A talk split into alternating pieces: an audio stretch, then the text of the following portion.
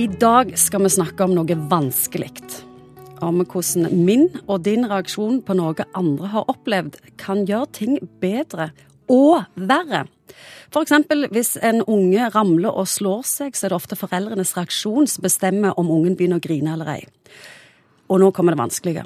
Hvis en voksen eller et barn har blitt utsatt for overgrep eller noe annet fælt, da gjelder mye det samme. Psykolog Egon Hagen, hva tanker har du om dette? Ja, Dette er jo et uh, veldig vanskelig dilemma, og det er fort gjort å trø feil. Vi er jo veldig glad for at det er behandling for mange som har vært utsatt for forferdelige ting. Og Samtidig så har det vært sånn at jeg noen ganger har møtt pasienter som har vært hos andre behandlere, f.eks. Og det kan være et mindre kan, I den grad du kan bruke et sånt ord, et, et mindre grenseoverskridelse, f.eks. Uh, at de har sittet på et fang til en eller annen, og så har de merket at han har pusta litt rart og alt dette.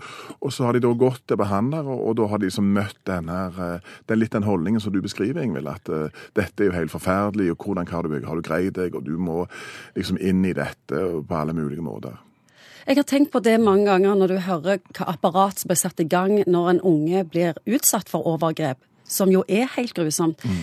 Men når et svært kriseapparat hamres i gang, kan det gjøre vondt verre?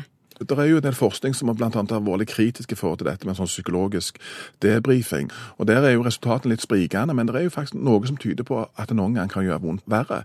Fordi at det å snakke ting i hjel kan noen ganger gjøre at de naturlige helingsprosessene Husk på vi er lag for naturens side for å være relativt selvhelbredende, egentlig.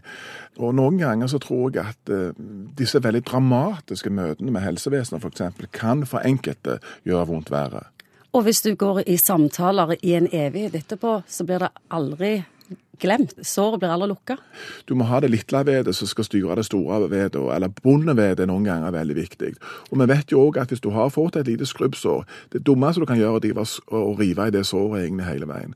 Og sånn kan det noen ganger òg være i forhold til det vi nå snakker om, mer psykiske ting.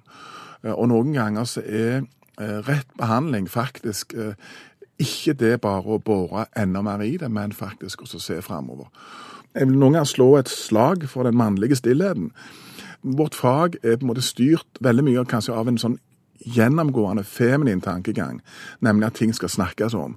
Og Jeg tror at gutter mange ganger òg kan håndtere ting nødvendigvis uten at de snakker om det. Det er mange ting med mine kompiser som jeg vet om og, tenker, og de vet jeg vet om det, men vi snakker ikke så mye om det. Og der ligger det helt utmerket. Hvor mye har reaksjoner fra omverdenen å si når et menneske har opplevd noe fælt?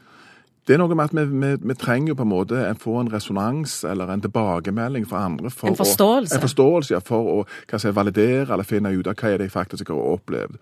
Og klart, Hvis, hvis da reaksjonene er enormt dramatiske, så kan det gjøre, gi deg en opplevelse av at ting faktisk er større og verre enn det det faktisk var. Det som er viktig å tenke på, er at vi som mennesker vi har skilt oss, og vi har krangla mellom søsken, vi har krangla mellom foreldre, og vi har gått i begravelser lenge før det var noe som heter psykologer.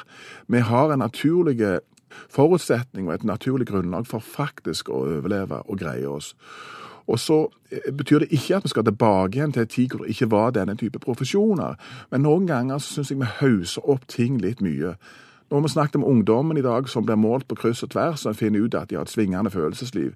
Når meg og deg vokste opp, Ingvild, så hadde vi et svingende følelsesliv. Vi er ikke helt gode helt ennå, kanskje.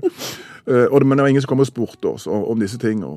Og noen ganger så kan du Dette enorme målehysteriet på ungdommen kan òg framstille egentlig en flott ungdomsgenerasjon som verre enn det de faktisk er.